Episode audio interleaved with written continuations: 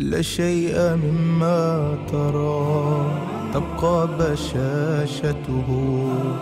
يبقى الإله ويفنى المال والولد.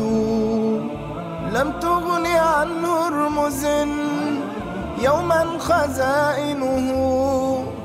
والخلد قد حاولت عاد فما خلدوا.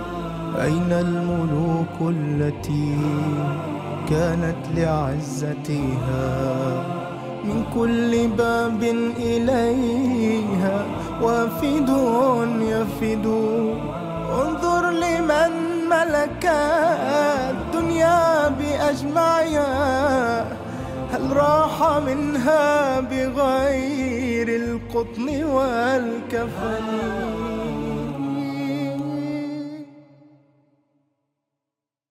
وإذ قال ربك للملائكة إني جاعل في الأرض خليفة. هكذا كانت البداية. إني جاعل في الأرض خليفة. قالوا وتجعل فيها من يفسد فيها ويسفك الدماء؟ ونحن نسبح بحمدك ونقدس لك. قال إني أعلم ما لا تعلمون. خلق الله تعالى آدم عليه السلام.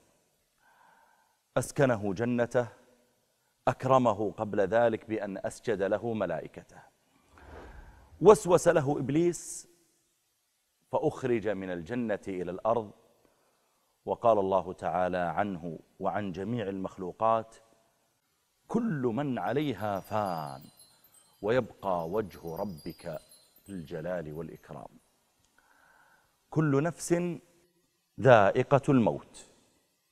كل نفس وإنما توفون أجوركم يوم القيامة. فمن زحزح عن النار وأدخل الجنة فقد فاز. وما الحياة الدنيا إلا متاع الغرور. كل نفس ذائقة الموت الجن الإنس الملائكة الحيوانات الأشجار. كل نفس ذائقة الموت. لكن سبحان الحي الذي لا يموت. الموت هو قصة نهايتنا من هذه الدار. هو البوابة التي ندخل منها إلى الدار الآخرة. الذي ندلف من خلالها إلى العالم الأخير. الجنة النار الصراط الميزان تطاير الصحف. الحساب وأعظم ذلك لقاء الله تعالى ورؤيته جل في علاه ما هو الموت؟ ما هي قصة الموت؟ ما هي فلسفة الموت عند الناس؟ لماذا يخاف الناس من الموت؟ هل الكل يموت فعلا؟ لماذا تتفاوت الأعمار؟ مخلوقات تعيش يومين وثلاثة وتموت ومخلوقات تعيش أطول من ذلك بكثير. كل نفس ذائقة الموت وإنما توفون أجوركم يوم القيامة. قل إن الموت الذي تفرون منه فإنه ملاقيكم ثم تردون إلى عالم الغيب والشهادة فينبئكم بما كنتم تعملون. يفرون عن الموت بالهرب إلى المستشفيات الهرب من الأخطار بتناول الأدوية بصرف الأموال في سبيل العلاج والشفاء. قل إن الموت الذي تفرون منه فإنه ملاقيكم.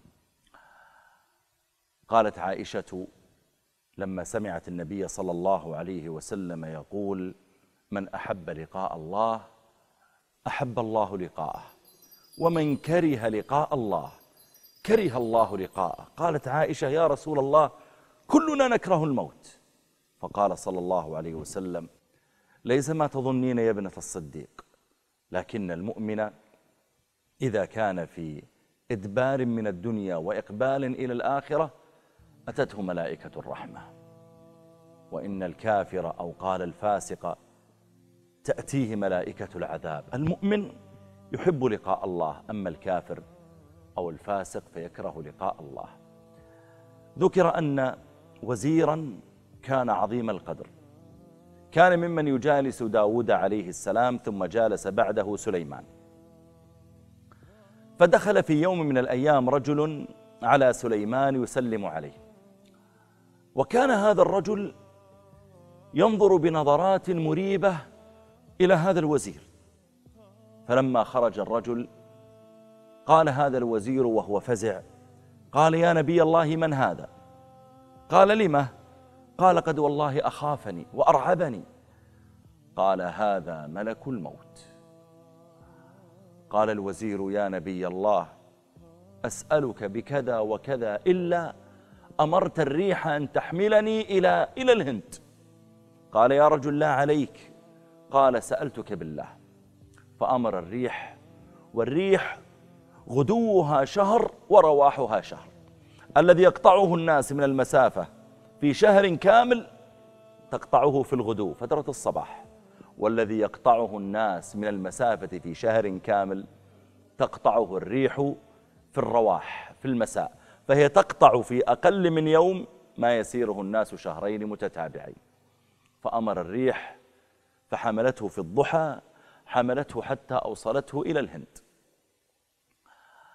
فلما كان من غد دخل ملك الموت عليه السلام إلى سليمان يسلم عليه كما كان يفعل. فقال له ملك الم... فقال له سليمان قد أفزعت صاحبي أمس لماذا كنت تنظر إليه بتعجب بنظرات مخيفة؟ قال يا نبي الله لا تلمني فإني عجبت من بقائه عندك وأنا قد أمرت بقبض روحه بعد الظهر في الهند. قال سليمان فماذا فعلت؟ قال ذهبت إليه بعد الظهر وإذا هو ينتظرني في الهند فقبضت روحه. وما تدري نفس ماذا تكسب غدا وما تدري نفس بأي أرض تموت. هذا هو الموت. اصبر لمر حوادث الدهر فلا تحمدن مغبة الصبر. وامهد لنفسك قبل ميتتها واذخر ليوم تفاضل الذخر فكأن أهلك قد دعوك فلم تسمع وأنت محشرج الصدر وكأنهم قد هيئوك بما يتهيأ الهلكى من العطر وكأنهم قد قلبوك على ظهر السرير وأنت لا تدري. يا ليت شعري كيف أنت على ظهر السرير وظلمة القبر. أم ليت شعري كيف أنت إذا غسلت بالكافور والسدر؟ أم ليت شعري كيف أنت إذا وضع الحساب صبيحة الحشر؟ ما حجتك فيما أتيت وهل قول يزيد أو هل لك من عذري ينبغي ألا يموت المرء إلا وهو يحسن الظن بالله تعالى أنك قادم على رب رحيم على رب كريم على رب تغلب رحمته غضبه يغلب حلمه عقوبته. أي عيش صفى وما كدره الموت أي عمر طال وما قصره الموت أي عدد كثر وما قلله الموت أي سعادة عظمت وما قطعها الموت. ينبغي ألا يموت إلا وهو يحسن الظن برب العالمين.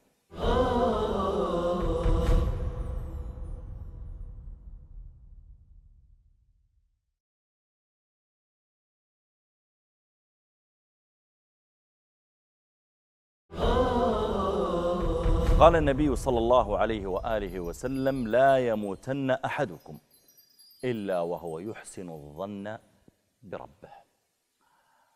ودخل صلى الله عليه وسلم على شاب وإذا هو قد حشرجت نفسه وهو يحتضر.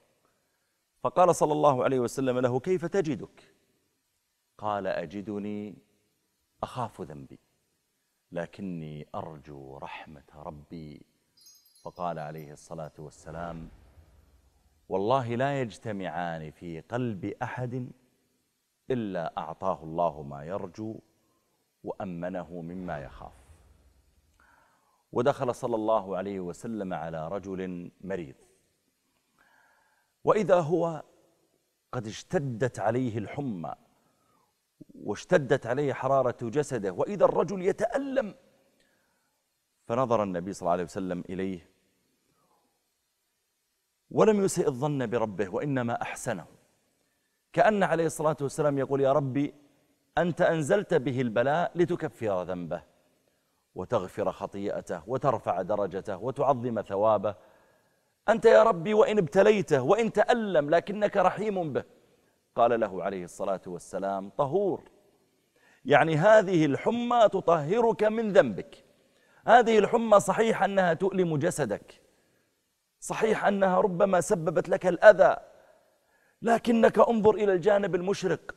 هذه تطهر ذنبك كما أن الماء الطاهر يطهر الثوب من الخبث كذلك هذه الحمى تطهر جسدك من الذنوب والسيئات. قال له طهور لكن الرجل كان سيء الظن بربه. قال طهور بل هي حمى تفور يعني لا تزال في بدايتها وسوف تشتد عليه حتى تفور كالماء الذي تضعه على النار فيبدأ يغري ثم يفور ويخرج من الإناء. قال بل هي حمى تفور على شيخ كبير تزيره القبور. يعني هي تشتد علي وأنا شيخ كبير لا أطيقها ولا أتحملها وسوف يكون منتهاي القبر. فنظر النبي صلى الله عليه وسلم إليه وإذا رجل يسيء الظن بربه أنت الآن حتى لو كنت على فراش الموت أحسن الظن بربك. فقال عليه الصلاة والسلام فنعم إذن. يعني ما دام أنك ظننت بربك هذا الظن وهو عليه الصلاة والسلام قد قال يقول الله تعالى أنا عند ظن عبدي بي فليظن بي ما شاء. إذا مرضت فاجعل ظنك بالله أنك رحيم وكريم. عظيم الإحسان والكرم. أنا أحسن الظن بك يا ربي أنك ستشفيني. إذا افتقرت فأحسن الظن بالله. أنا أحسن الظن بك يا ربي أنك غني ستغنيني. أنك وإن أصبتني بمصيبة إلا أنك قريبا ما تكشفها عني. أنا عند ظن عبدي بي فليظن بي ما شاء. فقال عليه الصلاة والسلام لهذا الرجل قال فنعم إذن. ما دام أنك اخترت هذا السبيل اخترت أن تسيء الظن بربك اخترت أن تكون إلى القبور ملجأك ومآلك فنعم إذن. فخرج صلى الله عليه وسلم فلم يلبث أن مات الرجل. واثلة بن الأسقع هو صاحب النبي صلى الله عليه وسلم. سمع أن الجرشية أحد أصحابه سمع أنه مرض أو أنه يحتضر وكان واثر قد كبر سنه. فقال لأبي حيان خذ بيدي قدني. كان كفيفا قال قدني. إلى الجرشي فأخذ بيده حتى أدخله عليه. فلما أدخله عليه وإذا الرجل قد اشتد به المرض حتى بدأ أهله يبكون يودعونه. فلما رآه الجرشي قال يا واثلة أنت صاحب رسول الله صلى الله عليه وسلم. قال نعم. قال أعطني يدك التي بايعت بها رسول الله صلى الله عليه وسلم. فأعطاه يده. ووضع الجرشي يده على صدره. ثم وضعها ومسح بها رفعها ومسح بها وجهه. قال هذه اليد التي بايعت رسول الله صلى الله عليه وسلم. فقال له واثلة يا جرشي كيف ظنك بربك؟ أنت الآن تموت. تودعنا. مالك ستفارقه. أهلك ستفارقهم. أولادك تفارقهم. أنت مقبل على الله أنت داخل على الله أنت ماض للقاء الله. ما هو ظنك بربك؟ ماذا تتوقع من ربك؟ أنت صليت وصمت وتصدقت ما هو ظنك بربك؟ قال أرجو ثوابه وتأمل رحمته. قال أبشر فإني سمعت رسول الله صلى الله عليه وسلم يقول لا يموتن أحدكم إلا وهو يحسن الظن بربه عز وجل.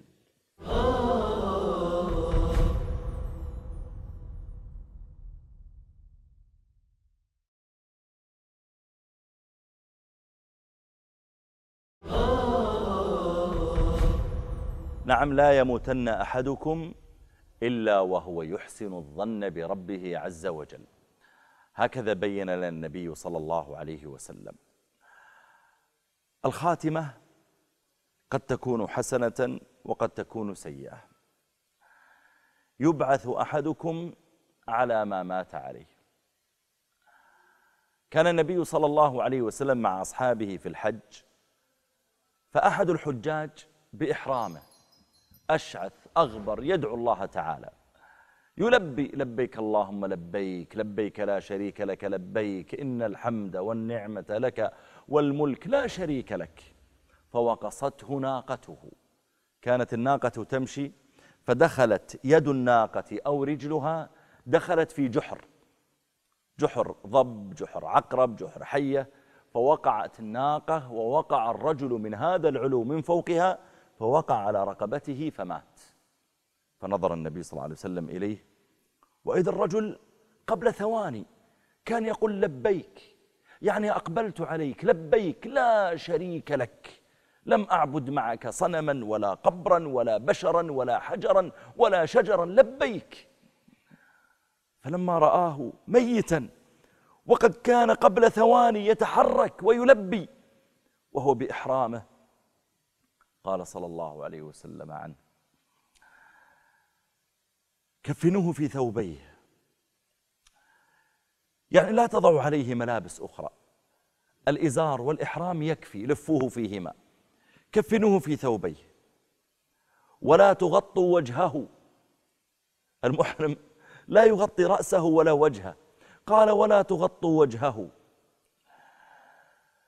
ولا تقربوه طيبا. الميت عندما يموت نطيبه. قال هذا لا تقربوه طيبا. المحرم لا يتطيب ولا يغطي رأسه. قال ولا تقربوه طيبا فإنه يبعث يوم القيامة ملبيا. يبعث يوم القيامة ملبيا. يقول النبي صلى الله عليه وسلم إذا أراد الله بعبد خيرا استعمله. قالوا كيف يستعمله يا رسول الله؟ قال يوفقه لعمل صالح قبل موته. يوفقه لعمل صالح قبل موته. وفي رواية قال إذا أراد الله بعبد خيرا عسله قالوا كيف يعسله يا رسول الله؟ قال يوفقه لعمل صالح ثم يقبضه عليه. من علامات حسن الخاتمة أن يوفق المرء إلى العمل الصالح. أن يكون كلما تقدم به العمر ازداد إقبالا إلى الله. لما قرأ ابن عباس قول الله تعالى وجاءكم النذير قيل له ما هو النذير؟ قال الشيب. فإذا بدأ الشيب معناه أن المرء دخل في المرحلة الأخيرة من حياته. الله الذي خلقكم من ضعف ثم جعل من بعد ضعف قوة. شباب ثم جعل من بعد قوة ضعفا وشيبة يخلق ما يشاء. من علامات حسن الخاتمة أن يوفق المرء إلى عمل صالح. يتقدم به السن يوفق إلى عمل صالح. من علامات حسن الخاتمة أو من أسبابها الصدق مع الله. أنك لما تصلي ما تصلي صلاة مرائي. أنك لما تتصدق لا تتصدق ليراك فلان وفلان. أنك لما تبر والديك لا لأجل أن يقال والله فلان بار فلان ما شاء الله عليه فلان رجل مبارك لا لا. أو لأجل أن يوصي لك أبوك بشيء أو يعطيك شيئا لا. أنا أبر والدي أمي وأبي تقربا إليك يا ربي. لأنك أمرتني ببرهما والإحسان إليهما أنا أفعل ذلك. الصدق مع الله تعالى. أصلي في المسجد لا لأجل أن يمدحني الإمام أو يمدحني جماعة المسجد إنما تقربا إليك يا ربي لأنك قلت واركعوا مع الراكعين. أنا أجي إلى المسجد لأني أتقرب إليك لأني أحبك. ولذلك النبي عليه الصلاة والسلام كان في بعض المعارك فرأى رجلا يقاتل أشد القتال. ما أغنى أحد في القتال مع الأعداء كما أغنى هذا الرجل. يضرب هذا ويفر من هذا ويكر على هذا ويهجم على هذا. فقال بعض الصحابة يا رسول الله والله ما أغنى عنا كما أغنى فلان. هذا الرجل يا رسول الله اللي يكر ويفر ويقاتل ما في أحد قاتل مثله. قال عليه الصلاة والسلام هو في النار. في النار؟ يقاتل كل هذا القتال؟ في النار؟ هو في النار.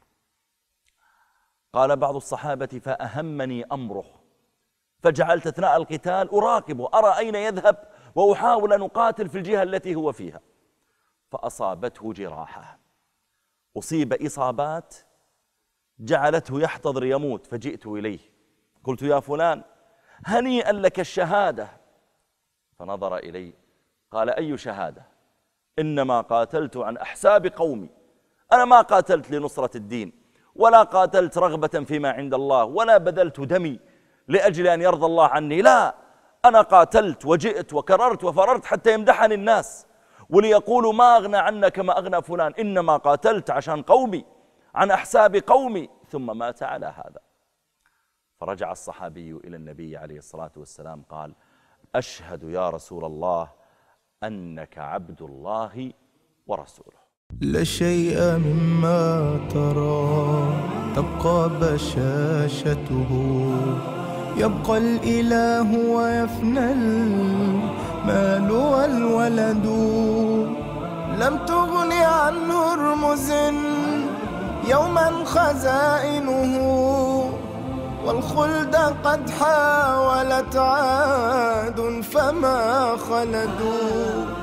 أين الملوك التي كانت لعزتها؟ من كل باب إليها وافد يفد. انظر لمن ملك الدنيا بأجمعها.